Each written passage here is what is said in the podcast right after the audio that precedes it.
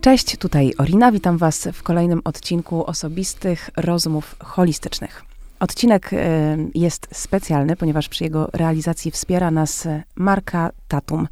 Jej najnowsza kolekcja, kampania Take a Breath, zachęca nas do tego, żebyśmy zwolnili, pozwolili sobie na oddech, poczuli się swobodnie i naturalnie.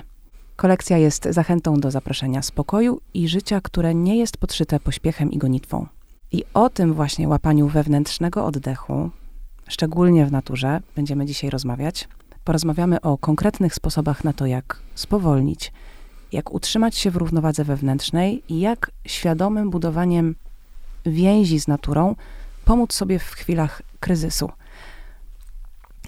Moim dzisiejszym gościem jest doktor habilitowany Sławomir Murawiec. Dzień dobry, panie doktorze. Dzień dobry. E, pozwolę sobie pana przedstawić. Mam bardzo długie bio pana. Nie? Nie? nie Jak to, to nie? Jest tak wspaniałe. Ma pan naprawdę y, na koncie nie tylko publikacje, książki, tylko w skrócie powiem w takim razie, wycieczki, ale. Mm, no tak, może to, to, powiem coś od siebie. Mieliśmy okazję się poznać na kongresie medycyny integralnej, naszym czwartym fundacyjnym kongresie, który dotyczył zdrowia psychicznego i równowagi wewnętrznej. A jest, jest to kongres, e, który traktuje holistycznie podejście do zdrowia i bardzo się cieszę, że poprowadził pan warsztat na temat ornitologii terapeutycznej, ale zajmuje się pan na co dzień psychiatrią, ponieważ jest pan doktorem psychiatrii. Tak, wszystko się zgadza. I współautorem wraz z profesorem Piotrem Tryjanowskim książki Ornitologia terapeutyczna, no, od której się można powiedzieć trochę w Polsce zaczęła zainteresowanie właśnie tą tematyką wykorzystania obserwacji ptaków w kontekście zdrowia psychicznego. A może y, zacznę mm, od takiego pytania, czy widzi pan od wydania książki ruch w stronę, czyli zwiększające się grono odbiorców, odbiorczyń, które się interesują tym tematem? Widzę taki ruch e, w psychiatrii generalnie e, i ten ruch, wydaje mi się, nasilił się w okresie pandemii. Taki ruch w kierunku kontaktu z naturą, w kierunku lasu i tutaj będzie będą kąpiele leśne, e, których pionierką, propagatorką w Polsce jest pani doktor Katarzyna Simonienko. Potem e, właśnie ornitologia terapeutyczna i wszelkie takie działania, które właśnie zbliżają do kontaktu z naturą i jednocześnie łączą ten temat ze zdrowiem psychicznym, ze wspomaganiem zdrowia psychicznego. Mhm. I rozumiem wspomaganiem w leczeniu, ale też wspomaganiem w profilaktyce zdrowia psychicznego. Dokładnie tak, mhm. tak. To mam nadzieję, że o tym chwilę porozmawiamy, ale chciałabym zacząć od takiego pytania trochę przewrotnego, ale czy uważa pan, że w ogóle my się musimy, powinniśmy na nowo nauczyć kontaktu z naturą? Bo tak, może e, wytłumaczę to pytanie z takiej perspektywy holistycznego podejścia. Mm, wraca się, mam wrażenie, że, że to się bardzo teraz nasila, znowu takie e, zwrócenie uwagi na połączenia na to, że wszystko wewnątrz nas jest połączone, wpływa na siebie wzajemnie, ale to nie wyklucza też tego zewnętrza, tego, co na nas wpływa, jak my wpływamy na, na, na nasze otoczenie, jak otoczenie wpływa na nas. Ja, jak do tego kontaktu teraz podejść? Czy właśnie musimy się go uczyć na nowo, jakoś go re redefiniować? No tak jak pani powiedziała, ze wszystkim oczywiście się zgadzam. Natomiast no, ten powrót do natury, tak jak mi się wydaje, to jest tak postulowany od kilkuset lat właśnie, prawda? Czyli ci tam mieszczanie, znaczy może niekoniecznie mieszczanie, ale zamożne osoby z Londynu, no to też tak chciały do tej natury, prawda? Albo z innych y, dużych miast i też postulat wracamy do natury, to mi się wydaje taki trochę mało nowy mówiąc krótko, ale też dosyć, słuszny. A, ale też dosyć ogólnikowy, bo na czym dokładnie ten powrót do natury miałby polegać? Więc właśnie. Y, zgadzam się absolutnie z tym, co pani powiedziała o tym połączeniach, tak, i tych wewnętrznych, i tych zewnętrznych. No, kiedy ja zaczynałem swoją karierę psychiatry, swoją naukę psychiatry, no to wtedy w zasadzie mieliśmy poczucie i taką wiedzę, że całe życie psychiczne mieści się w obrębie mózgu i że tylko mózg się liczy. E, I taka była taki mózgocentryzm i w zasadzie tylko to było badane. Teraz już wiadomo, że mózg działa w licznych osiach takich sprzężeń, które wzajemnie na siebie oddziaływują. I na przykład e, z takich, które są teraz szeroko badane, no to mikrobiom, jelita, mózg. I okazuje się, że owszem, mózg coś może mieć do powiedzenia, ale właśnie mikrobiom, czy ta oś pomiędzy mikrobambiomem, jelitami, a, a mózgiem, także ma coś do powiedzenia. Ostatnio przeczytałem, że przynajmniej u myszy decyduje o tym, czy nam się chce ćwiczyć, czy tym myszom chce się ćwiczyć i biegać, czy są bardziej leniwe. No więc bardzo poważny wpływ no, na wysiłek fizyczny, na ruchliwość, która w, znowu w kontekście miejskim byłaby tutaj bardzo ważna. I takich wpływów pewnie jest e, więcej. Teraz e, już od, od, kilku lat mówi się o tym, że jelita to, to jest drugi mózg. A teraz jeszcze zostało to właśnie o ten mikrobiom rozszerzone, mhm. tak? Czyli od kilku lat, że jelita, a teraz jeszcze do, doszedł kolejny element. Wydaje się, że o paru rzeczach y, decydujący, na przykład, czy nam się chce słodyczy, czy niekoniecznie. To, to właśnie nam, czy tam im, mm-hmm, tym, co mm-hmm. siedzą tam w mhm. środku mm-hmm. w jelitach. E, I rzeczywiście te połączenia z kolei zewnętrzne, one są y, coraz pełniej badane e, z otoczeniem społecznym to może bardziej na początku, no bo to jest bardziej oczywiste, że wsparcie społeczne, kontakty społeczne, tak zwana sieć społeczna ma na nas wpływ, e, no ale też właśnie w kontekście szerszym, w kontekście natury, na przykład dostępności do terenów zielonych i ryzyka zachorowania na różne zaburzenia, choroby psychiczne. W związku z tym w te wszystkie strony y, badania naukowe w tej chwili idą. E, I, I, obszar psychiatrii, obszar w związku z tym wiedzy o tym, co wpływa na zdrowie psychiczne, bardzo się poszerza. I jeszcze y, dopytam pana w takim razie, jak to, to ten kontakt nasz budować, jak odzyskiwać w taki sposób, żeby on nie był, wiadomo, że możemy sobie wyobrazić, że y, rzucamy wszystko i jedziemy w naturę, wyłączamy telefon i po prostu doświadczamy, ale nie wszyscy mogą sobie na to pozwolić. Więc jak, biorąc pod uwagę ten rozwój cywilizacyjny i to, że jesteśmy po prostu zatopieni, zatopieni w tym kontekście, w którym jesteśmy, pracujemy, mm, mieszkamy, żyjemy i tej cywilizacji, nowych technologii przecież nie, nie odrzucimy i nie odstawimy na półkę, ale jednak z jakąś intencją nawiązania z powrotem tego kontaktu, o którym pan mówi, że jest na wielu poziomach teraz mm, bardzo e, udowodniony, że wpływa na nas pozytywnie, to, to na czym ten kontakt miałby polegać i może polegać, tak żeby był dla nas wspierający? Tu jest pewnie sporo różnych możliwości. Powiedzmy, że mówimy o mieście. Prawda? Najpierw zacznijmy może od miasta. E, to jest tak, że po pierwsze elementy zielone i było takie badanie, bodajże to było przeprowadzone w Lipsku, e, gdzie e, wykazano, że nawet takie przypadkowe napotykanie zieleni, czyli idzie się alejką i ta alejka jest na przykład zielona, są tam drzewa, albo idzie się alejką i tam nie ma drzew, mm. E, już będzie wpływało na samopoczucie psychiczne. Nawet mm. jak spieszymy się do pracy. No, oczywiście mm. trzeba by tą alejką iść. E, I e, co jeszcze było ciekawe, tam gdzie była większa dostępność tej zieleni, było mniejsze można powiedzieć, zużycie czy wykorzystanie leków przeciwdepresyjnych w tej hmm. populacji. Ale co takiego uważa pan, że jest w tej naturze, co od razu pozwala nam osiągnąć większy spokój? I na to też było fajne badanie, które pokazywało coś takiego, że mm, wyodrębniono dwie gru grupy osób. Jedne miały spacerować przez godzinę w terenie zielonym, a drugie w terenie zurbanizowanym bez tej zieleni. I następnie to było badanie bardzo fajne, bo z rezonansem magnetycznym funkcjonalnym badano tym osobom aktywność tych obszarów mózgu, które są związane z taką odpowiedzią stresową. E, I u tych, którzy e, chodzili e, w terenie zielonym, te obszary mózgu, które reagują na stres, które odpowiadają na stres, ich aktywność ulegała zmniejszeniu. U tych, którzy chodzili po ulicach takich zwykłych, można powiedzieć, y, była tak jak zwykle.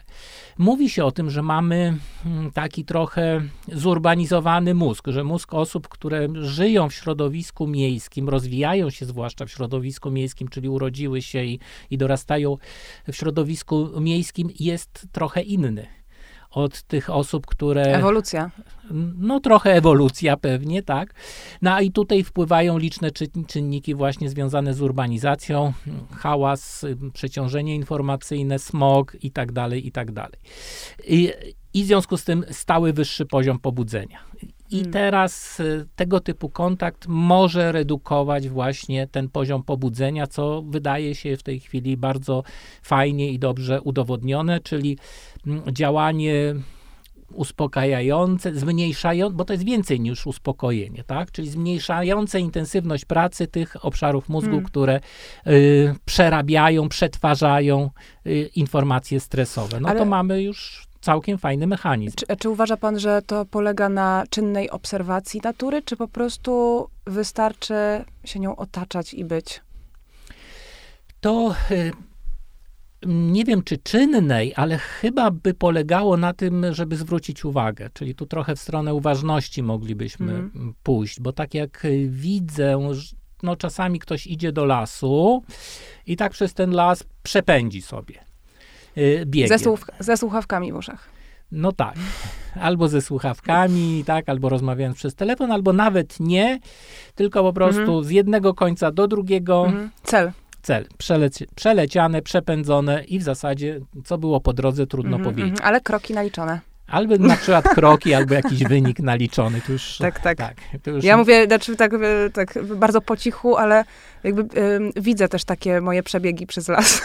Okej. E, Więc e, wydaje mi się, że taki przebieg też będzie działał, no bo m, tak czy inaczej biernie wtedy pani, czy ten inny spacerowicz, spacerowiczka Ja się, się nawdycha. podkładam się nawdycha, nawdycha, zobaczy i tak dalej, czy zmniejszy się natężenie bodźców, więc nawet biernie, no to coś tam jednak Mhm. będzie działało, kilka elementów. Natomiast jakby się zwróciło uwagę na różne te dostępne w lesie dźwięki, zapachy, zieleń i tak dalej, i tak dalej, czyli popraktykowało trochę takie rozejrzenie się wokół siebie, no to prawdopodobnie ten efekt może być e, szerszy, pełniejszy i bardziej długotrwały. Mhm. Czyli taka właściwie świadoma intencja tutaj e, też w to wchodzi i bycie, no, mm, podkreślam, tu i teraz. Trochę tak. Ja pamiętam taki spacer, to było dla mnie dydaktyczne. Spacer, który poszedłem z, z panią, która jest dziennikarką, która chciała opisać. E, I byliśmy już tak w połowie łazienek. Ona mówi, o wiewiórka. Ja mówię, chyba dziesiąta już. I to jest to. Tak, Tak, tak. czyli minęliśmy mnóstwo i nie zauważamy tych, Tak. tych wiewiórek czy innych elementów, które tam były po drodze tak. jak się pędzi. I dopiero jak się człowiek troszkę zatrzyma, no to zaczyna zwracać uwagę i to spotkanie może Tak. być na przykład fajne. Ale to, to, to też znowu mm, jest trochę o tych więziach, od których w ogóle rozmowę zaczęliśmy. Skupienie na kimś, nawet jeżeli to nie jest, mówimy tutaj o naturze, ale z mojego doświadczenia, skupienie na drugiej osobie, jeżeli tego potrzebuje, jeżeli y, jest taka, i- i- jest w, akurat w momencie, w którym potrzebuje pomocy, często powoduje, że w efekcie ja też się czuję dobrze. Jeżeli komuś pomogę, jeżeli zwrócę na kogoś uwagę, jeżeli posłucham, jeżeli zobaczę i tak sobie wyobrażam, że idąc właśnie do tego lasu albo do tego parku, po prostu obserwując przyrodę i tak się jej oddając, za sekundę czujemy się lepiej i to jest najlepszym zwrotem tak naprawdę i taką, taką gratyfikacją tego, żeby tak odłożyć siebie trochę na bok. Ja tu bym się absolutnie z panią zgodził z tym, że jesteśmy bardzo skupieni na sobie, a jeżeli ktoś jest właśnie przeciążony informacyjnie, albo jest w depresji, na pograniczu depresji, Mhm, albo w lęku, mhm. no to jest w zasadzie pogrążony we własnych przeżyciach. Mhm. E, I w tym momencie to się no tak powiela. To znaczy, im bardziej jestem pogrążony w sobie, tym bardziej jestem pogrążony. Tak, w tak, sobie, tak, tak? tak, tak. Im bardziej pada śnieg, tym bardziej pada śnieg, i e, w tym momencie w zasadzie przeżywamy, psychiatrycznie mówiąc, ruminujemy ciągle to samo. Mhm. E, No i teraz e, rzeczywiście zwrócenie uwagi na zewnątrz, nie wiem czy na inną osobę, bo to może być trochę trudniejsze i bardziej obciążające, ale właśnie na przykład na to otoczenie, czy na ptaki, bo ptaki są tutaj dosyć dobre, bo one bardzo szybko od, odrywają od takiego skupienia na sobie, bo trzeba się skoncentrować, zobaczyć, ten widok jest ulotny, ten ptak może odlecieć, w związku z tym to jest taki szybki mechanizm odrywania się od, od pogrążenia we własnych myślach. E, I wtedy można powrócić, ale już trochę odświeżonym. Mhm. E, I Taka przerwa od siebie. tak, przerwa od siebie, reset, mówiąc Mhm. tak językiem komputerowym, i, i się wraca, ale już trochę Mhm. ze świeżym mu- umysłem. I tutaj no, znowu y, była, jest taka fajna koncepcja, która mówi o dwóch rodzajach myślenia. Jednym, który jest taki e, właśnie na zasadzie, co mam jeszcze do zrobienia, takiej bieżączki, tak, tego, tego co, co dzisiaj, co teraz i to jest tryb niesłychanie zamykający, no bo myślę tylko, co, co jeszcze za chwilę. E, I drugi tryb taki, który pozwala na myślenie z pewnej szerszej perspektywy, że mam swoje uczucia ale, i, i myśli, ale patrzę też y, z szerszej perspektywy, oglądam je, y, albo też no, poszerzam pole skojarzeń, że biorę pod uwagę różne inne elementy. E, no i ten tryb bardziej sprzyja na przykład hmm. kreatywności, to mm -hmm, jest to, co mm -hmm. niektóre osoby mówią, że pod prysznicem im przychodzą jakieś świetne pomysły do głowy, albo właśnie w naturze, albo w jakichś innych okolicznościach, w których możliwe jest to oderwanie się i spojrzenie z szerszej, szerszej perspektywy. Mm -hmm. I e, ostatnio na ten temat też czytałem trochę e, i na to chciałbym zwrócić uwagę, że jak jesteśmy w tej takiej bieżącej, stresowej perspektywie, to pole widzenia tego, co się dzieje, jest bardzo zawężone, decyzje są podejmowane automatycznie i mogą być negatywne. Czy jak ten pracownik w firmie, korporacji, urzędzie, gdziekolwiek będzie zestresowany, to decyzje podejmowane przez niego mogą być potencjalnie y, gorsze, nie biorące pod uwagę kontekstu, tylko tak na zasadzie pewnego automatyzmu i takiego najbardziej pierwszego, oczywistego skojarzenia. Więc to nie służy też, y, powiedzmy, decyzjom, czy biznesowi, czy czemukolwiek takiemu. Tak, myślę, że mówimy tutaj w ogóle o budowaniu wpuszczaniu powietrza i budowaniu większej świadomości, samoświadomości, bo tylko wtedy, kiedy mamy przestrzeń taką pomiędzy sobą a sobą, mhm. Mogą jakieś zewnętrzne informacje przyjść, albo właśnie jakieś e, informacje się wydobyć z wnętrza, które są po prostu, nie wiem, przy, y, przysypane, przyklepane tą bieżączką codzienną. Takie mi pytanie przyszło do głowy, y, zanim przejdziemy do ornitologii, bo to jest bardzo, bardzo ciekawe, czyli takiego, takiej powiedzmy zawężonej dziedziny y, naturoterapii, można powiedzieć? Czy, że Mówimy o interwencji opartej Dobrze. na kontakcie z naturą, takie nature-based interventions, tak. czy nature-based social prescribing, coś mhm. takiego. Czyli takie E, zapisywanie, można powiedzieć, interwencji, które mhm. będzie oparte właśnie na kontakcie z naturą. E, jakie elementy w naturze, jeżeli jeszcze jesteśmy w lesie, jakie elementy na nas najbardziej działają, e, jakby pan powiedział? Czy, czy każdym zmysłem możemy sięgać po naturę, czy skupiamy się na jednym?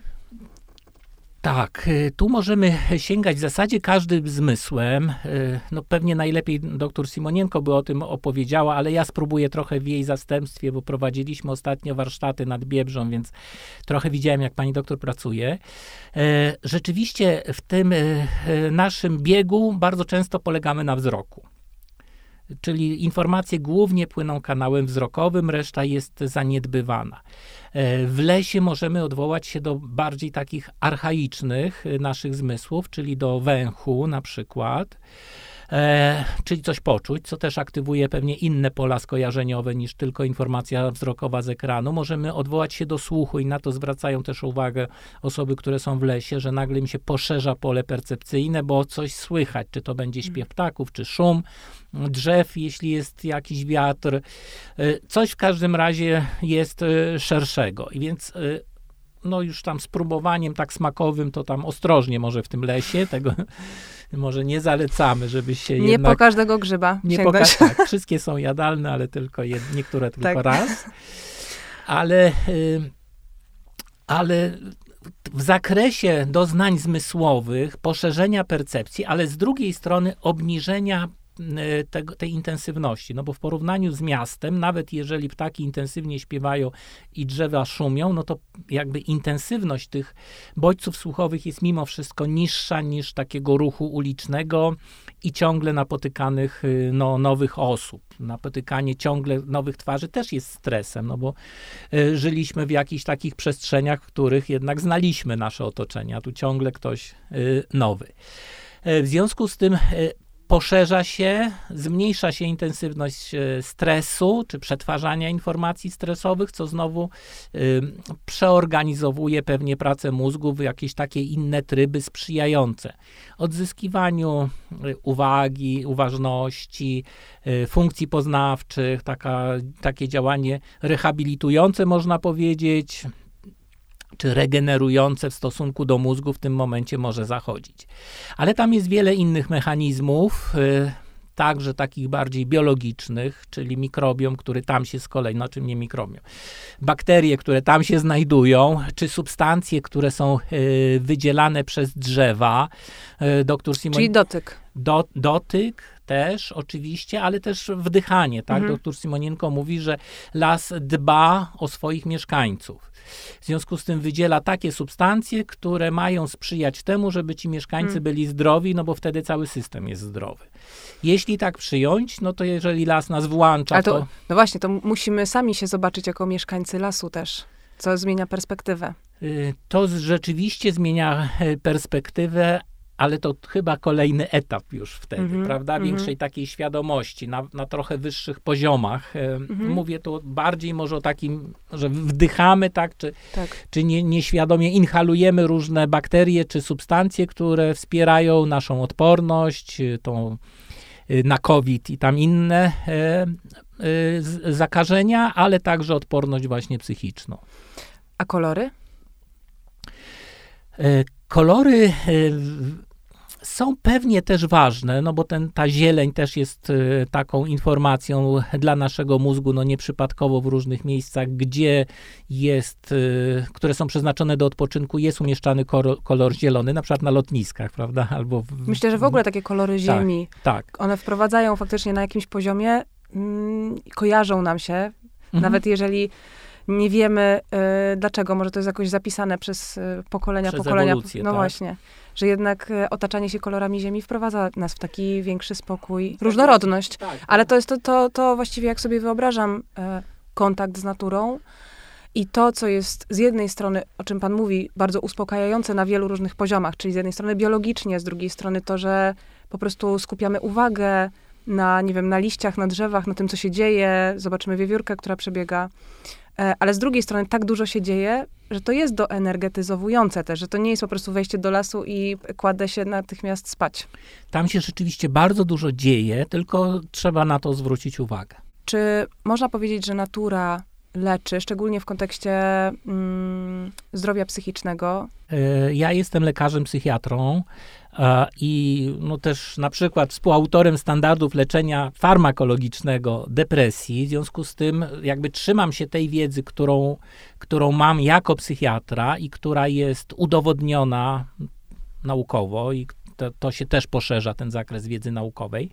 Natomiast obserwuję ten proces poszerzania się psychiatrii, poszerzania się zakresu interwencji psychiatrycznych, czyli znowu odwołując się do początków moich prac jako psychiatra, były leki i psychoterapia, tam jeszcze terapie wstrząsowe, koniec, finito, na nic więcej. E, w tej chwili e, już zupełnie legalnie bo jest na to dobre piśmiennictwo naukowe, mogę powiedzieć pacjentowi na przykład, że ruch fizyczny wspiera zdrowie psychiczne. Mogę powiedzieć o tym, że interwencje wobec mikrobiomu, probiotyki, dieta, dieta nutraceutyki wspierają zdrowie psychiczne, bo jest na to piśmiennictwo, są nawet zalecenia e, Światowej Federacji Towarzystw Psychiatrii Biologicznej, których można się trzymać czy podeprzeć, no bo jest to publikowane, jest e, zweryfikowane pod względem naukowym. Jeśli chodzi o kąpiele leśne, no to one są dobrze udokumentowane, mówiąc takim językiem y, trochę naukowym, są dobre publikacje na ten temat, y, jeśli chodzi właśnie o ich y, wpływ na zdrowie fizyczne, psychiczne, głównie te publikacje japońskie. Prawda? Natomiast to, co byłoby fajne i to, co wydaje mi się takim pewnym następnym celem, to jest sformułowanie takich zielonych recept.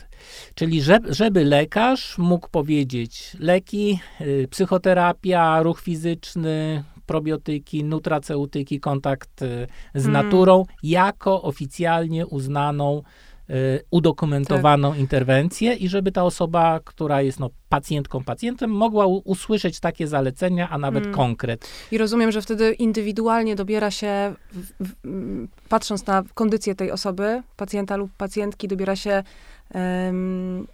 konkretne interwencje. Żeby mógł lekarz zapisać, prawda, y, z tego, co znowu wiem od pani doktor Simonienko, na którą się tu już wielokrotnie powołuje. Ale tak? ja się bardzo często powołuję na, na no panią dobrze, doktor. no to boję się. tak. Powołujemy. Y, w różnych krajach już są takie mhm. możliwości, że lekarz mówi tu i tu jest taka i taka impreza albo spacer. W Japonii, z tego co czytałem w książce japońskiego autora, nie będę się tutaj próbował nawet z nazwiskiem zmierzyć.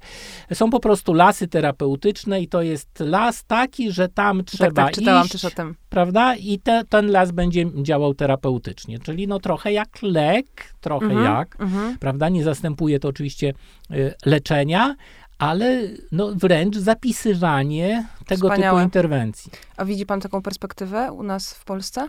Czasową? Y, y, no, jeśli mogę się podzielić pewnym y, marzeniem, planem, no to musiałyby powstać dobre badania, następnie pewne rekomendacje właśnie dla lekarzy, psychoterapeutów, psychologów, które, do których można by się odnieść, że to jest legalnie możliwy sposób wpływu na zdrowie psychiczne.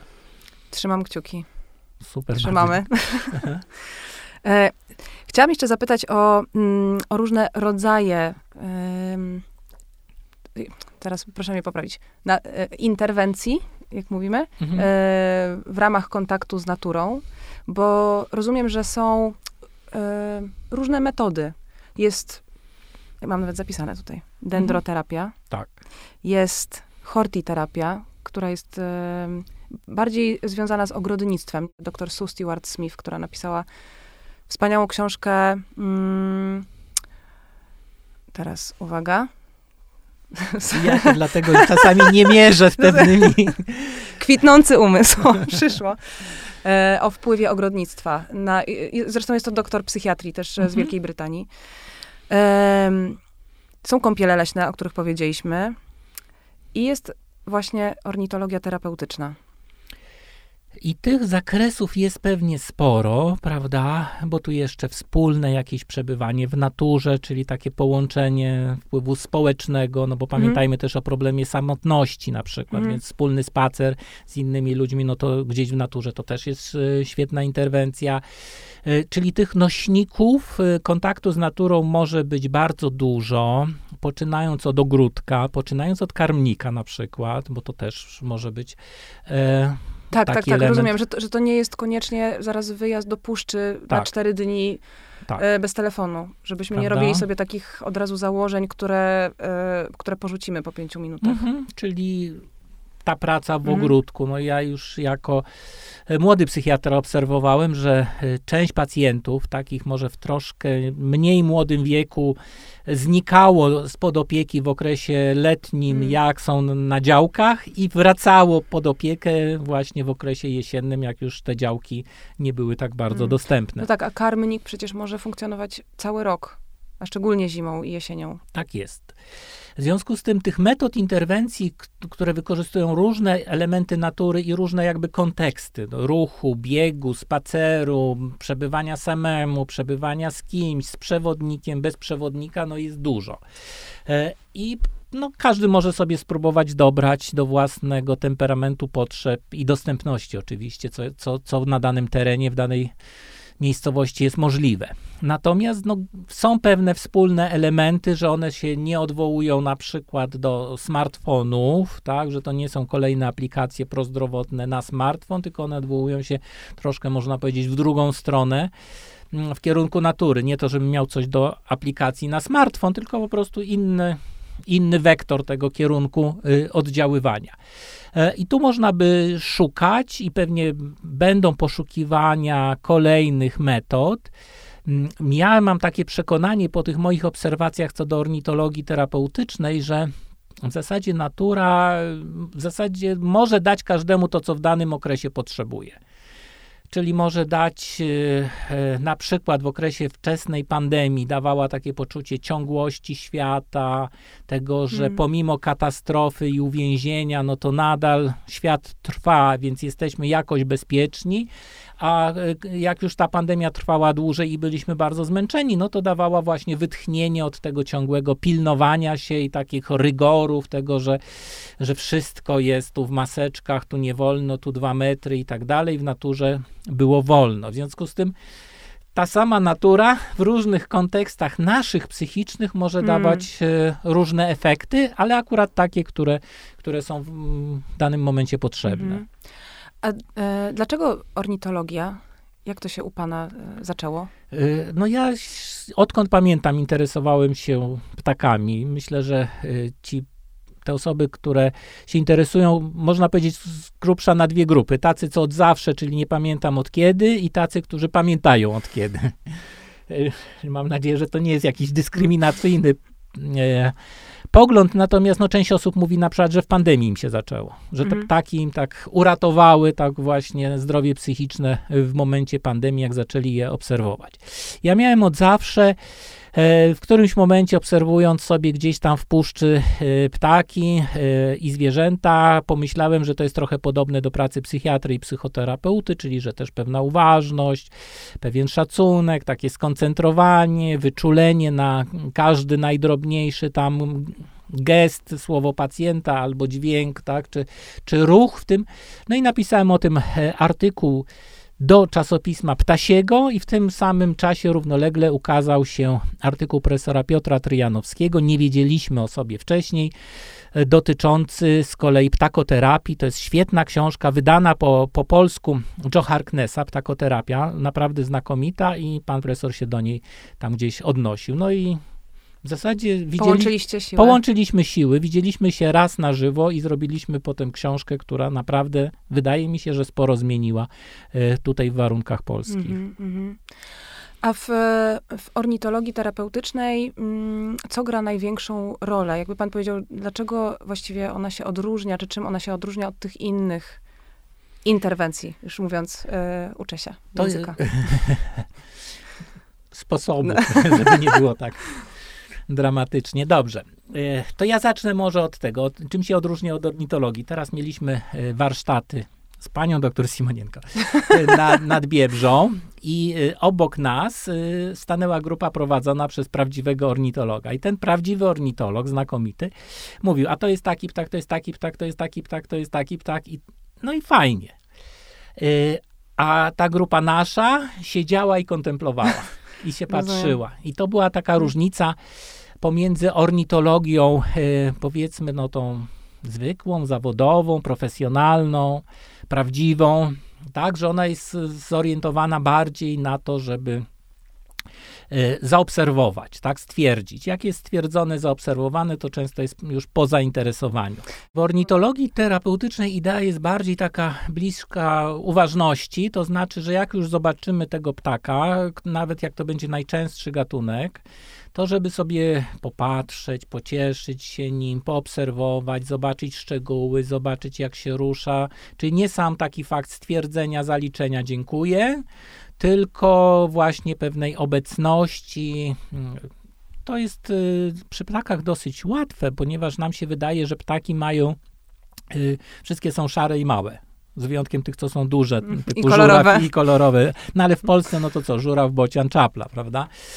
E, I w związku z tym, jeżeli się pokaże e, te ptaki, które są częste, typu zięba, typu dzwoniec, czyż, czy szczygieł i jak ktoś, czy ziem, zięba tutaj jest na przykład dosyć częstym takim gatunkiem, jak ktoś zobaczy nagle, że to nie jest małe i szare, tylko że to jest kolorowe, żółte, czerwone, z paskami, prążkami, no to ludzie mówią, takie ptaki żyją w naszym kraju? No i no mhm. tak, no proszę, tutaj masz przed sobą takiego ptaka. Albo, że nawet te szare też mają różne, różne szarości w sobie, a skupienie na szczegółach, jakieś rozpoznanie takie, takie bardziej... Że jest żółta kreska, albo że tak. ma oliwkowy kolor, albo ta tak. zięba jaka piękna, tu z czerwonym, tu z szarym, no po prostu nagle robi się odkrycie, którego mhm. tak wcześniej te osoby, mimo że ptak jest częsty i głos nawet znają, E, no więc to jest jeden element. Drugi, no to to poszerzenie właśnie takiego pola, no bo te ptaki, zwłaszcza teraz na wiosnę, śpiewają. Trzeci, o którym Czyli już znowu wchodzi dźwięk. Czyli wchodzi dźwięk.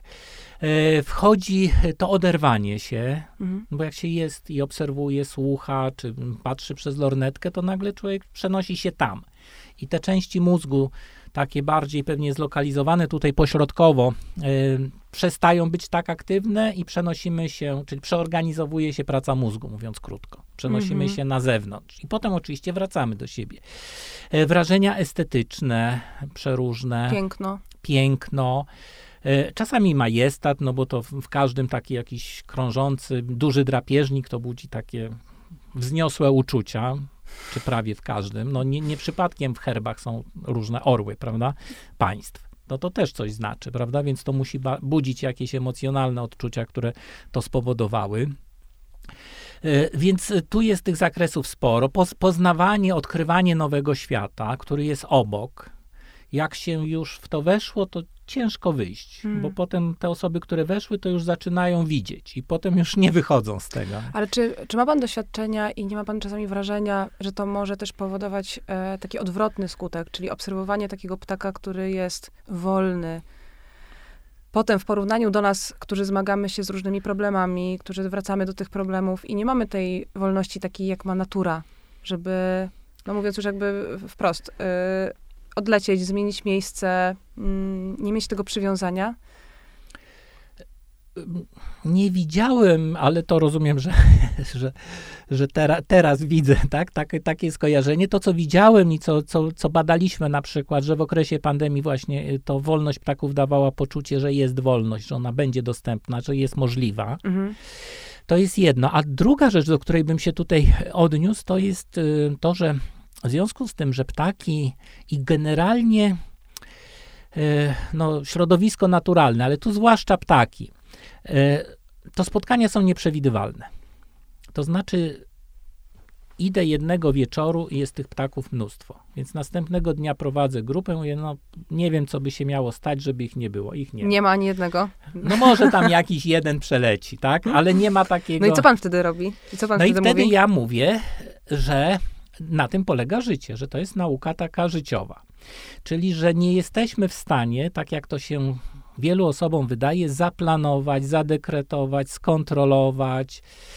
Ym, tak, Mhm. plany no, sprzedażowe, czy plany inne na życie, tak, czy in, są uzależnione od tak wielu różnych czynników, które często są nieprzewidywalne i niedekretowalne, więc to uczy życia. I teraz tak, idąc na ptaki, się nastawiając, że muszę koniecznie, jak nie zobaczę, będę sfrustrowany. Jak pójdę, zobaczę, to, ale bez tego nastawienia, no to będę zadowolony, nie zobaczę, takie jest życie. A z takim nastawieniem, jak zobaczę, to po prostu zaliczę to, że zobaczyłam i No, to, to, nie, to to, jest- nie będzie już miało tego efektu, to nie rozumiem. będzie miało efektu, no to może być frustrujące, no bo właśnie to zobaczyłem, ale tego nie, tego nie. Byłem z, z kolegą, byliśmy na przelotach koło Łowicza, prawda, i znowu prawdziwy zawodowy ornitolog powiedział nam, tu jest to, to, to, to, to, to. Ja zobaczyłem z tej listy ze dwa, trzy gatunki, byłem strasznie szczęśliwy. Kolega zobaczył te same gatunki, ale nie zobaczył jeszcze tych dwóch. I był mówi- bardzo nieszczęśliwy. bardzo nie, ale był rozczarowany, że jeszcze ta y, y, bernikla rdzawoszyja no, jakoś nam um- umknęła. A ja byłem zadowolony z tego, co widziałem. Prawda? Mhm. I to jest też pewne podejście do życia, którego, którego ptaki mogą uczyć. Bardzo, bardzo trudne, a tak naprawdę kluczowe. Bo Kluczowe, no bo- Oczywiście. Natura tego uczy, że możesz pójść i masz szansę. To nie chodzi, żeby nie wychodzić, żeby Tak, nie podejmować tak, i że- aktywności. I też, żeby, i, i to nie chodzi o to, żeby nie stawiać sobie celów. Bo Tak. to prawda, to nie chodzi o to, żeby wyjść, jak już e, jesteśmy w lesie albo jesteśmy w przestrzeni i obserwujemy ptaki, to nie o to chodzi, żeby nie nastawiać się na to, że te ptaki zobaczymy, ale z drugiej strony nie przywiązywać się do efektu tych, tego Tak, obserwowania. że tak musi Mhm. być i jak nie będzie, no to wszystko niezaliczone. No tak, Tak. bywa właśnie z wspaniałe, ptakami. wspaniałe ćwiczenie, bo teraz faktycznie zobaczyłam to jako taką, e, no to, to się przekłada na No, całe nasze życie. No tak jest w życiu, prawda? Tak, no, tak. Wszyscy mieli wspaniałe plany i indywidualne ścieżki kariery, tylko wybuchła pandemia COVID-19. I, Tak. I nagle plany tak. Tak musiały ulec modyfikacji. Tak. Ale właściwie to jest też taka nauka dnia codziennego, bo codziennie wyznaczamy sobie jakieś cele i to chodzi o to, jak, nie wiem, po prostu jak wysoko poprzeczkę zawieszamy. Jeżeli do niej nie doskoczymy, jeżeli nie wykonamy na Ona może zadań, być wysoka, ale musimy się liczyć z tym, że zarówno w mhm. życiu, jak i w obserwacji ptaków może się ten ptak pojawić, a może się nam nie pojawić mhm. z przyczyn mhm. bliżej nieznanych. Mhm. Wczoraj były, dzisiaj ich nie ma. A poprzeczka może być wysoko, to nie chodzi o to, żeby rezygnować, tak? Tak. A jakie pan jeszcze zagrożenia widzi? Oprócz tych, o których teraz mówimy, być może, w, nie wiem, nie, niektóre osoby, e, które nas słuchają, mierzą się z większymi problemami albo zaburzeniami, takimi, które, nie wiem, y, na które otwarta przestrzeń będzie wpływać e, negatywnie, albo właśnie zbyt duża ilość bodźców e, będzie. Czy, czy warto zwracać na to uwagę, zanim wybierzemy Są osoby oczywiście miejsce? z lękiem, tak, na przykład z agorafobią, dla których no, wyjście w otwartą przestrzeń, to co pani przywołała, jest trudne. Ale dla większości z tych osób, nie powiem w 100%, bo nic nie ma w 100%, wyjście z kimś już jest bezpieczniejsze. Te osoby mhm. pod opieką są w stanie gdzieś wyjść bo mają poczucie, że gdyby coś się stało, no to ktoś zainterweniuje i, i będzie pomoc. W związku z tym po prostu wtedy wziąć jedną czy więcej osób, żeby czuć się e, bezpiecznie. No najlepiej wtedy z kardiologiem i anestezjologiem, no ale to nie zawsze jest pod ręką możliwe. W związku z tym to, to jest, tak? Nie samemu jeżeli mhm, nie czujemy mm -hmm. się bezpiecznie. I, i, I, można w ten sposób różne sytuacje sobie ustawiać. No tu to zagrożenie, które dotyczy może bardziej y, zawodowych ornitologów, czy osób, które no, ma, mają w tym taki bardziej profesjonalny e, interes, jest to, że, że można się uzależnić, tak? Można się uzależnić od y, na przykład rekordów, właśnie, mm. że muszę, że w danym roku jak nie pobiję rekordu z zeszłego roku, no tak, to. ale to jest, to jest, jak rozumiem, pewnie przeklejanie mechanizmów, które mamy na co dzień, tak. tylko w... Yy... Tylko w tą dziedzinę, tak, tak mm -hmm, dokładnie. Mm -hmm. No więc y, podobno, ja nie znam środowiska ornitologicznego, bardziej więc książek profesora Trianowskiego, który napisał książkę, kiedy rozum z ptakami ulatuje, bodajże, y, że są osoby tak bardziej skoncentrowane właśnie na zaliczeniu, na sukcesie. I to jest znowu różnica z ornitologią terapeutyczną. Tutaj może być zwykły częsty ptak, czy, czy takie popularne gatunki, ale takie, żebyśmy sobie z nimi pobyli. Mhm. Czy każdy może spróbować, e, po prostu nie mając wiedzy takiej, którą pan ma, czy lepiej iść, iść jednak e, już ze zorganizowaną wycieczką albo z, na warsztaty, które prowadzi pan w, w przestrzeni? E, to jest tak, że wydaje mi się, że znowu bez napinki, czyli bez tego, że muszę, mhm. ale dobrze by było zobaczyć kilka takich najczęstszych gatunków też w tym środowisku, którym idziemy. To jest też kolejna nauka z ornitologii terapeutycznej kontaktu z lasem, e, że e, uczy kontekstu że pewne gatunki będą tu, a w innych miejscach będą zupełnie niedostępne. Tak jak w życiu też jest, prawda, że wiele rzeczy zależy od kontekstu, nie możemy zadekretować, że będzie tak, jak chcemy. E, ja namawiam do takiego spokojnego, nie, nie na wyczyn przygotowania się, czyli zobaczyć, aha, na przykład sobie wysłuchać ptaki w mieście, czy ptaki w Warszawie, czy najczęstsze ptaki w Warszawie, czy cokolwiek takiego, czy tam oczywiście w innym miejscowości i zobaczyć te kilka najpowszechniejszych gatunków, i potem spróbować y, zobaczyć, jak one wyglądają, odtworzyć sobie głos, a potem poszukać tego w mm. naturze. Mm. To jest efekt naprawdę wow. Czyli, że się słyszało, jest wystarczy wpisać tam zięba, głos ptaka, prawda, a potem jak się to usłyszy w lesie, to nagle jest taki właśnie efekt wow, że to coś, co znamy ze smartfona, y, jest y, na żywo, naprawdę no to to są y, naprawdę fajne przeżycia, a jak już zobaczymy coś dużego, pamiętam koleżankę, która się zachwyciła tym, że zobaczyła bielika koło Warszawy, byliśmy. A bielik jak wygląda? Duży, ta, tak zwany orzeł, chociaż jest orłanem, więc tutaj ornitolodzy natychmiast protestują, jak się to tak e, nazwie.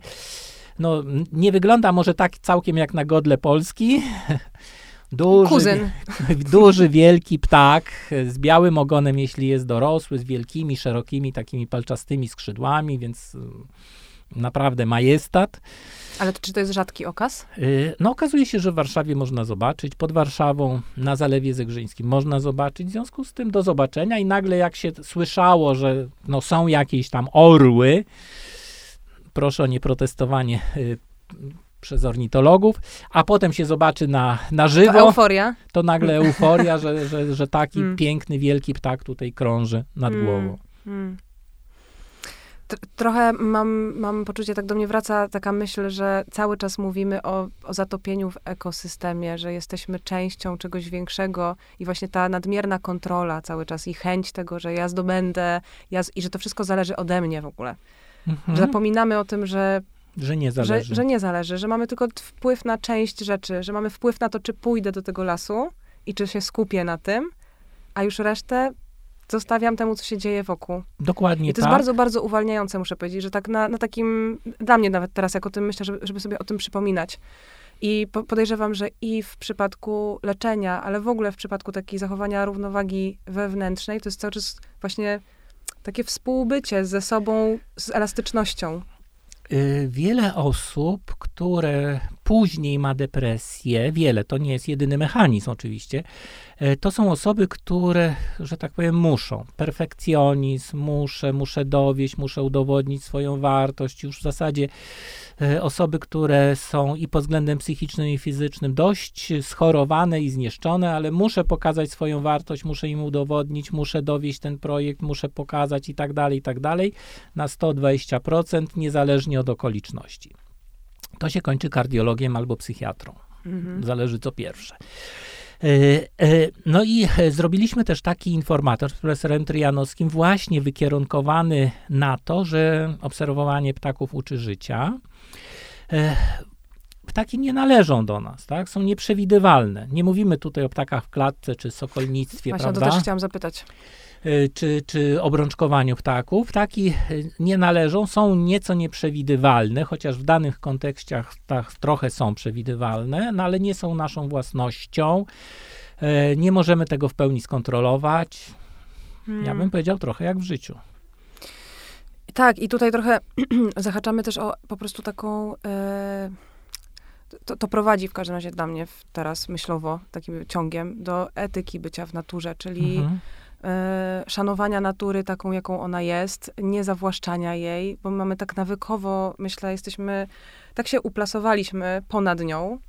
Mm, I strasznie być może też między innymi dlatego jest to frustrujące, że potem y, dlaczego tych ptaków nie ma, dlaczego y, one nie przyleciały, a miały przylecieć, a jak się tak postawimy w takiej pozycji partnerskiej wobec, wobec natury, którą obserwujemy, no to każdy ma prawo do wybierania własnych ścieżek, a naszą rolą jest po prostu adaptowanie się do tego, obserwacja, nie kontrola. Tak, absolutnie e, zgadzam się z panią. Tu z kolei moja ścieżka e, skojarzeń prowadzi jeszcze do jednego, czyli do tego, co mogą uczyć ptaki. To e, profesor Trianowski opisywał we wspomnianej swojej książce, że jak jest jakiś rzadki gatunek i tam ornitolodzy się zjeżdżają, żeby go zobaczyć, to dzielą się na dwie grupy. Jedni podchodzą blisko, tam starają się na przykład spłoszyć wręcz, żeby było zdjęcie w locie i tak dalej, a drudzy stoją no Y, w odległości z szacunkiem. I że to jest kolejna rzecz, którą może uczyć właśnie ta terapeutyczna część ornitologii, czyli takiego trochę i szacunku, ale też wyobrażania sobie drugiego umysłu. Umysł ptaka nie jest umysłem ludzkim, oczywiście, ja tu nie dokonuję zrównania. Myślą, czują pewnie po swojemu. E, natomiast y, no, możemy sobie wyobrazić tak, swoje zachowania, które będą na przykład no, płoszyły, tak, wywoływały lęk i tak dalej. Więc to uczy, uczy też pewnego postępowania, można powiedzieć, które też może być użyteczne w postępowaniu z ludźmi, no żeby mówiąc w cudzysłowie, nie spłoszyć, mm -hmm, prawda? Mm -hmm. Żeby uszanować granice. Się, tak, tak, tak. I to, jest, to, to prowadzi też do wykształcenia większej empatii. a przynajmniej poszanowania, tak? No Mhm. bo z tą empatią, no tak, no, no, chociaż No, tak jak tak- mówię, nie znamy tego umysłu ptaka tak No nie bezpośrednio. znam, ale samo wyobrażenie sobie. Samo wyobrażenie może już y, kształtować nasze postępowanie, no Tak. i to, to trochę znowu, tak, tak, tak, jak z człowiekiem, żeby ten drugi umysł, tą teorię umysłu y, sobie stwarzać y, we własnym umyśle i, i nią się kierować, a nie lecieć tam i muszę mieć piękne zdjęcie i, i wtedy różne nieetyczne zachowania też bywają. Tak, tak. Jest jeszcze jeden temat, który tak do mnie wraca cały czas w tym kontekście i to bardziej jest oczywiście właśnie, mm, myślę, że w, w ramach po prostu naszej rozwijającej się świadomości kontaktu z naturą i też potrzeby tego, że pojawia się coś takiego jak, um, mówi się eco-anxiety, czyli lęk związany e, z, e, ze światem, ze stanem przyrody, z tym, z zanieczyszczeniami oczywiście, z różnymi aspektami związanymi z tym, jak e, degradacja środowiska wpływa w ogóle na świat. Mhm. To prawda. Tych lęków klimatycznych, czy takiej nostalgii, e, czy depresji klimatycznej, no nie mamy w oficjalnej klasyfikacji psychiatrycznej, natomiast, e, Jeszcze, ale ale są opisywane. jeszcze chciałam powiedzieć właśnie, że jest coś takiego jak, e, pewnie pan mnie mm, potwierdzi albo poprawi, bo nie wiem, czy to jest już oficjalnie wpisane, ale deficyt kontaktu z naturą jako Tak. jednostka chorobowa. Tak. Więc y, mamy y, zakres no, dobrze opisanych takich zjawisk dotyczących y, właśnie albo deficytu. To profesor Trojanowski też znalazł jakieś badanie, w którym opisywano, że dzieci łatwiej rozpoznają obiekty z gier sztuczne niż obiekty naturalne. Szyszka, co to jest szyszka w zasadzie, tak? A już dotknąć tej szyszki, czy jakiegoś takiego obiektu naturalnego, no to to może budzić lęk, jak się ma Mm. właśnie ten deficyt, który no, kiedyś jak się wychodziło na podwórko, tak, czy do lasu, no to, to było absolutnie naturalne. Więc nie rozpoznaje się obiektów naturalnych, rozpoznaje się te sztuczne. E, To jest e, pewnie jeden element. E, Drugi, no to lęku, lęku co do aktualnej sytuacji rzutowanego w przyszłość. E, No i pewnej właśnie depresji e, za po utracie takiego świata, który był jakimś światem takim bardziej bezpiecznym i w którym ta natura istniała. Ja pamiętam, nie tak dawno rozmawiałem z pacjentką, która mówiła o swoim przerażeniu, smutku właśnie związanym e, ze zmianami klimatycznymi, jak bardzo to na nią wpływa, jak to wpływa też właśnie na plany dotyczące choćby zakładania rodziny, posiadania dzieci. E, To są, to są elementy, które już w tej chwili absolutnie istnieją w przeżyciach e, naszych pacjentów, moich pacjentów, tak? E, I które trzeba brać pod uwagę.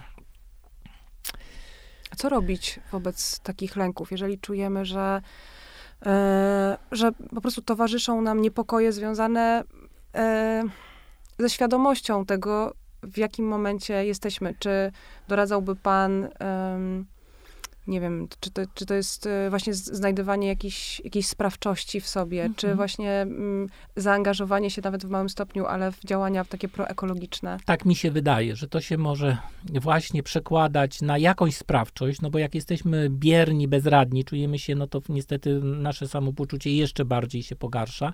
Jeżeli działamy choćby na lokalną skalę, no to ma szansę się poprawić, chociaż wiele osób mówi no, o swojej bezradności też wobec tej skali globalnej, czyli ja mogę na poziomie lokalnym, ale rządy czy wielkie tak, instytucje robią i tak swoje. E, Więc e, ten element e, frustracji, złości, smutku cały czas jest obecny.